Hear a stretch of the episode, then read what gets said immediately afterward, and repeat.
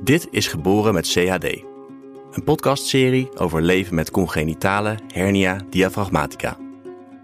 In deze podcast gaat Frank Meijer, oprichter van patiëntenvereniging Platform CHD, in gesprek met patiënten, hun familieleden en behandelaars. Deze aflevering staat in het teken van opa's en oma's. Frank spreekt de grootouders van Mea, een meisje dat anderhalf jaar geleden ter wereld kwam met CHD. Welke rol speelden opa en oma tijdens de zwangerschap van hun dochter? Hoe is het voor grootouders om een kleinkind met CHD te krijgen? En waar kunnen zij eigenlijk terecht voor steun? Deze en meer vragen worden beantwoord in deze aflevering. Ellen en Paul, welkom in de studio en fijn dat jullie je ervaringen willen delen in deze podcast. Willen jullie je kort voorstellen aan de luisteraars? Ik ben Ellen Timmermans. Ik ben getrouwd met Paul, die zich dadelijk zelf voorstelt. En uh, wij hebben drie kinderen, waarvan uh, onze oudste dochter Eva dus een kindje heeft gekregen met CHD. En uh, het is ook ons eerste kleinkind. En ik ben 67 jaar bijna en met pensioen. Dankjewel. Ja, ik ben dan de man van Elle, Paul. Ook met pensioen, 69. En waarschijnlijk zal Elle het meest aan het woord zijn. Dankjewel, fijn dat jullie er zijn. Um, dit is niet de eerste keer dat jullie je verhaal doen uh, over Mea en uh, over Eva. Onze redacteur heeft jullie ook geïnterviewd voor het magazine van CAD. Daar is een prachtig artikel uitgekomen. En voordat we ons gesprek beginnen wil ik heel graag een citaat uit dat artikel voorlezen aan jullie. Mea is ons eerste kleinkind. Toen Eva zwanger bleek van haar donor, zaten we een tijd lang op een roze wolk. Maar toen Mea werd gediagnosticeerd met CAD, werden we keihard van die wolk afgegooid. Want het is bijna ongelooflijk, zo ernstig is deze aandoening. Ik was daarom ook heel terughoudend in het begin. Maar Eva wist meteen dat ze door wilde met deze zwangerschap. Als je in de loterij 30 tot 40 procent kans hebt op de hoofdprijs, dan ga je daar toch voor, zei ze. Deze tekst laat volgens mij het grote contrast zien in jullie situatie. Aan de ene kant was er blijdschap rondom de zwangerschap en aan de andere kant de schrik na de diagnose CAD. Kunnen jullie me mee terugnemen naar die roze wolk? Hoe was het om te horen dat Eva zwanger was? Nou, het was vooral Elle die op die roze wolk zat. Dus die kan beter vertellen hoe dat was. Maar ook vooral hoe hard je er vanaf kunt vallen. Ja. ja, het was. Wij hadden gewoon helemaal niet verwacht dat we opa en oma zouden worden. Daar begon het al mee. En uh, dus toen ze uiteindelijk zwanger bleek, uh, want ze had geen relatie, ze was dus alleen. En uh, dus dat betekende dat er een donor ehm, aankwam. En ik ben een paar keer mee geweest om te zien of ja, dat ze uiteindelijk dat die IUI uh, ging gebeuren. En uiteindelijk ben ik ook bij de conceptie geweest. Ja, dat is natuurlijk een heel raar iets om te zeggen, maar ja, het was wel zo. En um, dus toen ze uiteindelijk zwanger was, nou ja, het was feest. Het was echt feest. Daar kan ik nog steeds heel blij van worden. En toen kwam het slechte nieuws. Ja, Mea ja. bleek CAD te hebben. Ja. Hoe, hoe ging dat? Hoe was dat voor jullie? Um, wij gingen, Eva heeft een andere aandoening, waardoor ze heel veel onder controle stond. En er heel veel um, echo's zijn gemaakt. Um, en daar ging ik elke keer mee, want we zaten ook, ze was alleen, dat was één. Het tweede was, we zaten in die coronaperiode. Dus ja, uh, met z'n tweeën daar naartoe, dat mocht dan. Dat betekent ook automatisch dat Paul wat meer afstand uh, daarvan nam. En met elke echo, nou ja, dan gingen we kijken hoe het zat met die uh, placenta. Want daar, dat was met name bij Eva het grote probleem. En toen op een gegeven moment met 20 weken echo uh, die kwam. En we hadden zoiets zo van nou, als die echo, als die, die placenta maar goed is. Het kind zei Eva, daar is niks mis mee. En dus wij hebben gewoon geen tel bedacht dat er iets met het kind zou kunnen zijn. En ze vertelde nog wel het verhaal ook van, goh, ik heb gisteren iemand gesproken, want ik zit in een, in een Facebookgroep en uh, er was ook een mevrouw, en die ook twintig weken zwanger. En die hebben een hele slechte diagnose gekregen. En toen vertelde ze dus dat dat kindje dus CAD had. En op een gegeven moment, uh, tien minuten later, kregen wij uiteindelijk dezelfde diagnose. Het, het, het dringt niet eens dat je door. Het dringt niet eens dat je door. Dat je denkt van, jee, wat gebeurt er? Ik zeg, is dat hetzelfde waar we het net over hadden, Eva? Ja, mama. Dus je weet meteen van, het is heel ernstig. Dat weet je meteen. Ja. En hadden jullie ook door hoe ernstig dat was? Nou, ik in ieder geval niet. Want ik heb het allemaal op moeten zoeken. En dan zie je inderdaad dat er verschillende gradaties zijn. En ja, als je dan hoort een overlevingskans van 30 tot 40 procent, dan denk je toch van, nou, dat is niet best, nee. Nee. Dus ja, dat was wel heftig. En, en hoe hebben jullie die informatie gevonden? Op welke manier hebben jullie jezelf kunnen informeren? Nou, je typt bij Google CHD in. dan zie je eh, wat het betekent. Hè. Van congenitale hernia diaphragmatica. Nou, dat vertaal je dan. Oh, is dat dat? Een gat in het middenrif. En gaan die organen naar de borstholte. En die belemmeren ontwikkeling van hart en longen. Nou ja, dat is, uh, dat is wat anders dan een gebroken been, zal ik maar zeggen. En hadden jullie ook het idee dat de informatie die jullie gevonden hadden ook iets toevoegde voor jullie als opa's en oma's, als ouders van de aanstaande moeder? Het, het was zo technisch, dat was het. Ja, het is, het is informatie, maar ja, die je niet wist. In die zin geeft iets extra's, maar verder niet als ondersteuning of. Uh, nee, je weet niet wel waar je het over hebt. Ik, ik vond het wel heel bijzonder, want toen we dus nog in het ziekenhuis waren met die 20 weken echo, dan gaat dus, het wordt, ik zou bijna zeggen, het blik wordt opengetrokken. Want er komt een neonatoloog aan te pas, er komt een maatschappelijk werk, er komt een, uh, nou de gynaecoloog. Psycholoog? Psycholoog kwam er ook bij.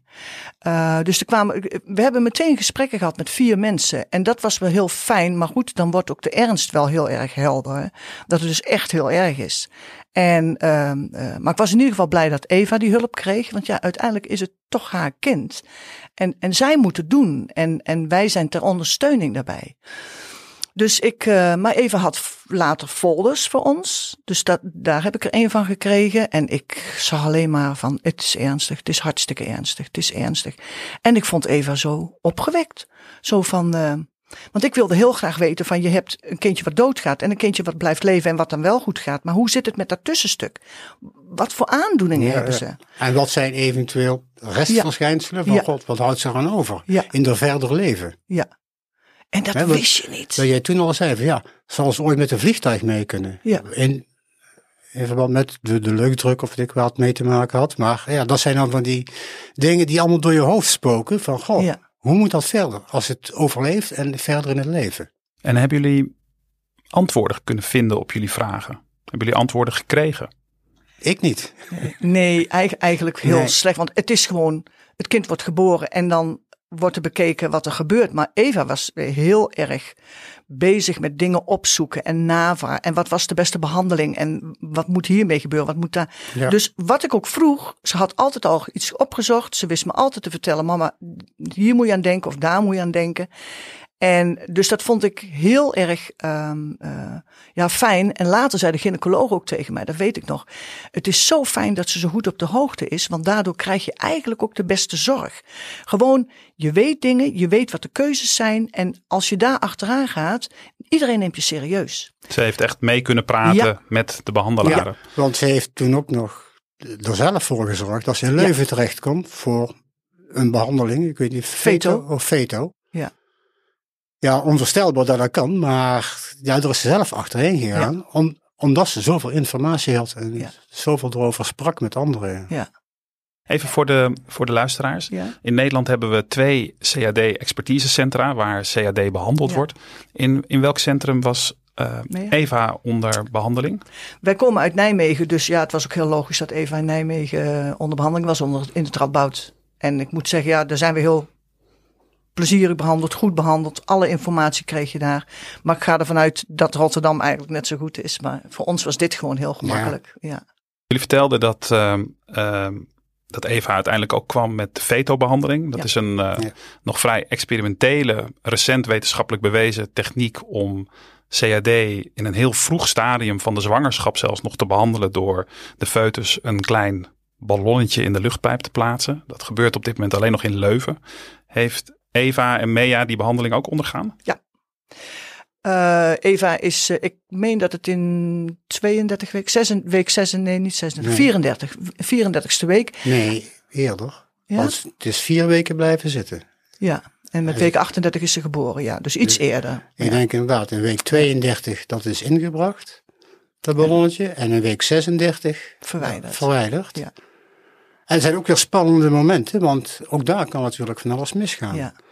Ja. En, en het was ook zo dat Leuven dus eigenlijk deze behandeling niet meer deed, omdat uh, het, de uitslag van het onderzoek nog niet bekend was. Nou ja, ja.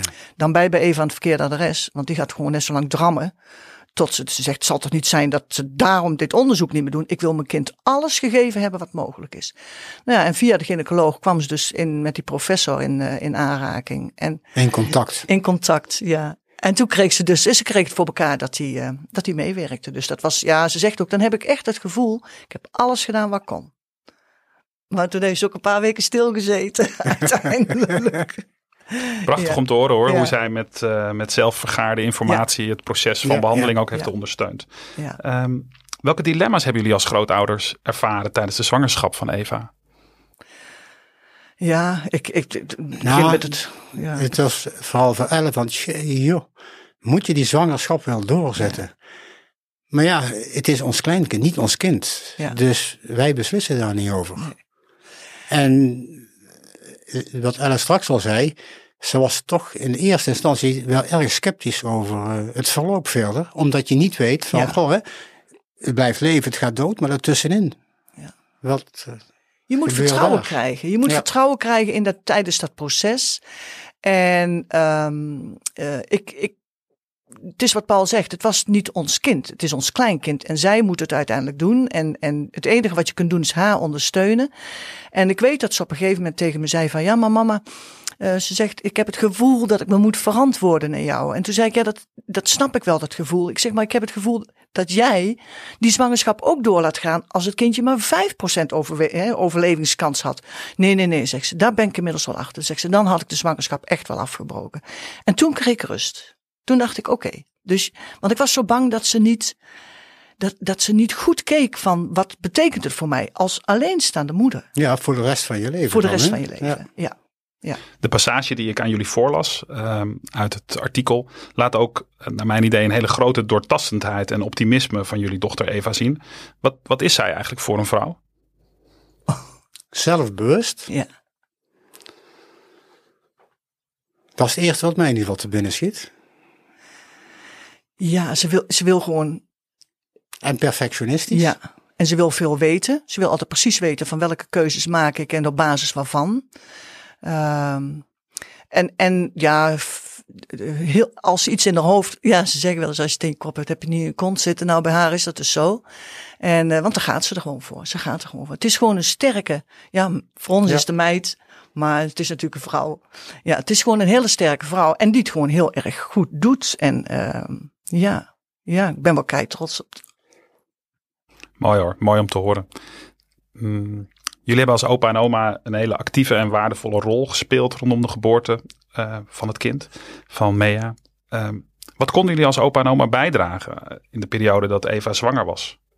Nou, het was vooral Elle die haar in zover ondersteunde dat ze uit de verpleging komt. Dus ook steeds mee, mee ging naar het ziekenhuis met onderzoek ook bij Mea toen. En mijn taak bestond er vooral in uh, het huishouden een beetje doen en af en ja, toen ze in Mea eenmaal thuis was, om uh, een eindje te gaan wandelen, dat Eva even rust had, om het zo maar te zeggen. Ja, jij hebt vooral inderdaad in het huishouden het ja. een en ander gedaan. En dan hadden we een, uh, twee zonen hebben we nog. Waarvan de een die met mij samen ook nog wel eens de tuin een keertje indook. En die andere die kookte voor Eva wel. Want het was toch wel, want het, het was zwaar voor haar. Ze, want naast dat het kind uh, uh, ziek is, heb, had ze ook een hydramnion. Dus een hele, hele, hele dikke buik met heel veel vocht erin. En, uh, en ze kon heel weinig. En toen ze die veto heeft gehad, was ze zo bang om te bewegen dat er maar iets kapot zou gaan, waardoor die zwangerschap of die, die bevalling op gang kwam. En ze heeft echt, ze durfde nog niets meer van de grond af te rapen. Ze zat gewoon op een stoel en daar zat ze. En ja, dat betekende toch voor ons uh, de boodschappen doen. Uh, Maarten die kookte, Thomas die kwam een keer de tuin doen. Want ja, ze zat echt op een stoel en te wachten, maar tot dat kind moest nog zo lang mogelijk in die buik ja. blijven zitten. En, uh, en het is uiteindelijk 38 weken en vier dagen. En um, heeft ze dus, uh, dus de bevalling tegen, nou ja, op kunnen houden. En ja, toen is Mea geboren. Dus uh, ja, dus wat is, we hebben veel praktische dingen vooral ook kunnen doen. Ja. Wat fijn dat jullie dat voor haar ja. hebben kunnen doen. En dat moet ook een hele pittige periode geweest zijn. Zeker ook met zo'n polyhydramnion, een, een bekend bijverschijnsel van ja. CAD. Um, Bij wie hebben jullie eigenlijk zelf steun ervaren in, in deze periode? Aan elkaar. Ja, ja. Ja. ja. Nee, want Mensen kennen het niet. nee, en je kunt het wel tegen anderen zeggen van, goh, onze dochter is in verwachting, maar ja, de baby die heeft CHD. Nou, ik weet niet wat het is, dan kun je dat uitleggen. Maar hoe, hoe kunnen ze je verder steunen? Ja, dat is denk ik voor die mensen ook moeilijk. Ja. Ja. Ja, weet je, je kon het vertellen. En, en zo van, oh, wat, goh, wat sneu. Want dat was het natuurlijk ook. Het is ons eerste kleinkind. En we hebben altijd gezegd, het hoeft niet voor ons. Maar ja, nou, het er is, is het natuurlijk kei gezellig en hartstikke leuk. En uh, dus toen ze zwanger was, dan vond ik het geweldig. En uh, dus dan is het niet leuk om te vertellen dat je kleinkind ziek is. Dat is gewoon niet leuk. Punt. En we deden er samen maar mee. Hè? Nou, ik heb het ook tegen niemand verteld, pas toen ze geboren uh, was. En de eerste moeilijke fase voorbij was, toen heb ik pas aan sportclub en dat soort dingen bekendgemaakt dat ik uh, opa was geworden. Pas toen had je het vertrouwen om het te Ja. kunnen gaan vertellen. Ja. Ja.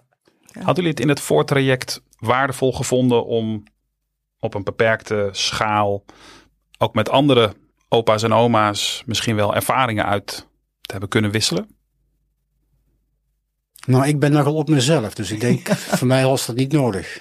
Nee, dan hebben wij Ja. genoeg aan elkaar. Ja, voor jou wel. Ik, ik Ja. had het wel leuk gevonden, denk ik. Nou, leuk is dan misschien een verkeerd woord. Maar ja, ik had ja, toch wel fijn gevonden ook. Gewoon van, uh, maar ook om in te kunnen schatten van hoe is de situatie van jullie kleinkind en wat zijn de restverschijnselen en waar moet ik rekening mee houden? Ik ben iemand die graag zekerheid heeft. En dit is een aandoening waar je never nooit zekerheid bij krijgt. Dus dat maakte het voor mij heel erg moeilijk. Dus wilde ik het vooral delen. Tegen iedereen riep ik het ook maar dat, dat, we, ja, dat het gewoon heel erg was en dat we een ziek kleinkind kregen. Ja. ja. Mea is inmiddels uh, een jaar en drie maanden, als ik het goed heb. Nee, iets ouder. Vijf inmiddels. Ja. Vijf Bijna anderhalf jaar. Ja, bijna anderhalf. Wat is Mea voor een kind? Jullie hebben een bijzondere band met haar. Ik ben heel benieuwd ja. hoe jullie haar zouden beschrijven. Levendig. Ja. Soms wat eigenwijs. Wordt misschien ook al bij de leeftijd. En ik, ik, kan me nog herinneren, ja, het is er nu wat minder, maar het was zo'n vrolijke baby. Altijd lachen en plezier bij wijze van spreken, ja. ja. Daar staat mij het meeste ja. bij. En beweeglijk. Ja. Jezus, ja, ik paste dan wel eens op. Je hebt geen seconde rust, want ze is steeds bezig. Ja. En wat deed u dan, wat deed je dan met haar? Erachteraan lopen. Nou, erachteraan kruipen, net alsof ik ze wilde pakken. En uh, later naar, ja, naar de speeltuin, daar kan ze ook niks. Maar dan zet ik ze op de glijbaan en lieg ze naar beneden. Maar inmiddels kan ze zelf het trapje op. Nou ja, dan sta ik er met mijn handen omheen. Van als ze valt, dan heb ik ze tenminste. ja. En dan maakt ze van die gekke capriolen om die glijbaan af te komen. Ja, ik hou mijn hart niet vast, want ik sta er zelf bij. Maar ik zou er niet rustig op een afstandje kunnen staan kijken. Nee. Het is, ja. een heel, het, is een, het is ook een draak, wij zeggen in de goede zin des woords, hè, een draak van, van een jong. Want ze daagt je altijd uit. Het is echt uitdagend. En het is een heel lief kind, maar ze heeft ook een randje. Um, ja, een tikkeltje eigenwijs met tijd en wijlen. En dat is misschien maar goed ook, omdat wij denken van als ze alles maar over zich heen had laten komen. Ja, dat, daar kon ze bij deze aandoening wel gebruiken. Dat ze een tikkeltje eigenwijs en een tikkeltje zich goed laat horen. En uh, weet wat ze wil. Want het is gewoon een eigenwijs ding. Maar toch zo'n leuk kind. Ja, ja. ja. We zien het heel veel dat kinderen geboren met ja. CAD stevige karakters hebben. Oh ja? Wat merken jullie aan het feit dat ze met CAD is geboren? Uh, in het dagelijks leven, in de omgang met Mea? Niks. Eigenlijk Ja, ze heeft de zonde. Dus hé, hey, maar als je, ja, waar ik me over verbaasd heb, ik heb dan drie kinderen. En dan maak je er zelf niet zo mee, die ontwikkeling. Maar die maak ik nu eigenlijk veel bewuster mee. Van, goh, zeg, hè, ja, ze liggen. En dan beginnen ze zich op een of andere manier voor te bewegen. En dan wordt het uh, tijgeren en kruipen. En van kruipen gaan ze staan. En van staan klimmen ze op de bank. En hoe snel dat eigenlijk gaat. En wat veel die kinderen toch moeten leren. Ja. Hè, van, van ja, eten, drinken, woordjes leren, alles. Ik, was, ik ben de vraag eigenlijk even kwijt. Um, wat jullie zelf merken, merken aan het CAD. feit dat zij met CAD is geboren in het, in het dagelijks leven, in de omgang met Mea. Ik vond die coronaperiode heel eng. Toen ze naar huis kwam En, uh, want ze heeft al twee keer corona gehad. En ze heeft het RVS-virus, heet het geloof ik, heeft ze gehad. Um, en je bent als de dood van, oh god, want ze heeft natuurlijk een longetje wat niet goed is. Punt. En, en je bent als de dood dat er iets gebeurt met die long. Maar zolang ze niet, eh, gewoon verkoudheid vind ik niet erg. Maar met die corona en die RVS, of, of RSV, nee, RVS. RSV. Uh, RSV, toch. Uh, dat vond ik eng. En verder denk ik van, ja, ze zal misschien nooit een marathon kunnen lopen. Maar als ze gewoon kan wandelen en fietsen, vind ik het ook allemaal prima. Weet je zo, het, het valt reuze mee wat we merken. Die zonde, dat is het enige. En, en uh, doen jullie ook iets uh, rondom die zondezorg? Geven jullie wel eens zondevoeding? Ik wel. Nee, ik niet. Nee. Nee, ja, je, je hebt daar specialisten in, hè? In, in, in de familie dus. Ja. Dat is een gelukje. Hoe is dat voor jou, ik, om dat zonder te doen? voeding vind ik niet erg. Maar ik moet er niet aan denken. Er werd in het begin gevraagd, uh, toen Mea naar huis kwam, vanwege, ja, het kan zijn dat die zonde eruit komt en dan moet die ingebracht worden. Willen jullie dat leren? Nou, het was voor mij meteen helder, dat doe ik niet. En, want dat wil ik niet. Ik wil mijn kleinkind niet zelf een zonde geven. Het idee alleen al. Ik vind het al een vervelende handeling bij anderen. Om hem in te brengen. Nou, laat staan bij mijn eigen kleinkind. En ik wil ook een leuke oma zijn. Ik wil niet dat nare mens zijn wat de zonde inbrengt. En dat was, had Eva zelf ook. En gelukkig uh, de thuiszorg. Uh, je hebt gespecialiseerde thuiszorg voor kinderen. En die komen. En, uh, want ze heeft hem er wel eens een paar keer uh, uitgetrokken. En van de week maakte ik het nog mee dat ik ze op wilde vangen omdat ze bijna viel. En ik voelde die zonde in mijn hand. Dus ik zei, oh, de zonde. Ik denk, het zal niet gebeuren hè, dat hij eruit ligt. Maar gelukkig trok ik alleen de pleister in de nek los. En zat hij op de wang verder nog goed vast. Dus gelukkig niks gebeurd. Maar oh, het idee alleen al dat ik hem eruit zou trekken. Maar goed, dus de thuiszorg brengt hem elke keer in. Maar ik vind het afschuwelijk om te zien. Ik ben er het liefste niet bij. Ik, ik, uh, uh, ik vind het gewoon naar. Ja. En dan denk ik, ik ben oma en geen verpleegkundige, denk ik. Je bent oma en je mag er zijn ja. voor je kleinkind, maar geen negatieve handelingen nee. aan haar lichaam, waardoor het vertrouwen nee, nee. Uh, van haar in jullie zou ja. kunnen beschaamd ondermijnd, worden, ja, precies. ondermijnd worden. Ja. Um, we weten dat bij veel kinderen met CAD hechtingsproblemen kunnen spelen. Uh, dat komt omdat ze zo lang in het ziekenhuis hebben gelegen. Dat komt omdat je zo moeilijk contact met ze kunt maken. Hoe is dat voor jullie geweest met Mea? Hoe is die hechtingsopbouw gegaan? Nou, voor zover ik weet, heeft ze niet zo heel lang in het ziekenhuis gelegen. Is ze er eerder uitgekomen als eigenlijk verwacht. En van hechtingsproblemen heb ik niks gemerkt. Nee. Niet naar ons toe, ook niet naar Eva toe. Ze, ja, ze herkende toch wel vrij snel de bekende gezichten. Maar ja, er mochten ook maar weinig mensen bij in die coronaperiode. Zeker toen ze in het ziekenhuis lag. En konden jullie in het ziekenhuis al wel met haar buidelen, knuffelen, meehelpen met de verzorging of de verpleging? Eva deed dat met name. Die was er ook heel erg veel. En ik bracht meestal Eva weg en dan ging ik even mee. En later kwam ik haar dan weer ophalen. Uh, of uh, we gingen er samen een uur naartoe en s'avonds laat gingen we nog een keer. We zijn wat op en neer gekart naar dat ziekenhuis toe. En um, ze heeft ook, um, ze is maar zeven weken in het ziekenhuis geweest. Terwijl ik weet nog dat we bij het eerste gesprek met de neonatoloog te horen kregen, het kan vier tot zes maanden duren. Dus we hadden zoiets van, wat? Zo lang? Um, dus die zeven weken, ik zou bijna zeggen, het was peanuts. En we zijn er vanaf begin af aan heel veel bij geweest. En nou, even, jij. ja, ik, mo ik ja, mocht er nee, niet eens bij. Nee, jij mocht er niet mee. Ik Ja. heb wel dus Mea op de arm gehad. Ik heb niet mee gebuideld, maar ik heb ze wel op de arm gehad. Maar toen lag ze op de, uh, niet meer op de neonatologie. Post. Post-IC lag Post ze IC. toen, dus naar de volgende. En toen heb ik ze voor het eerst op mijn arm gehad. Dat vond ik wel geweldig. Vond ik echt geweldig, ja. Ik kan me voorstellen dat het voor jullie als opa en oma op enige afstand uh, heel onmachtig gevoeld moet hebben soms om je eigen kind in zo'n situatie uh, gesteld te zien voor, voor alle uitdagingen.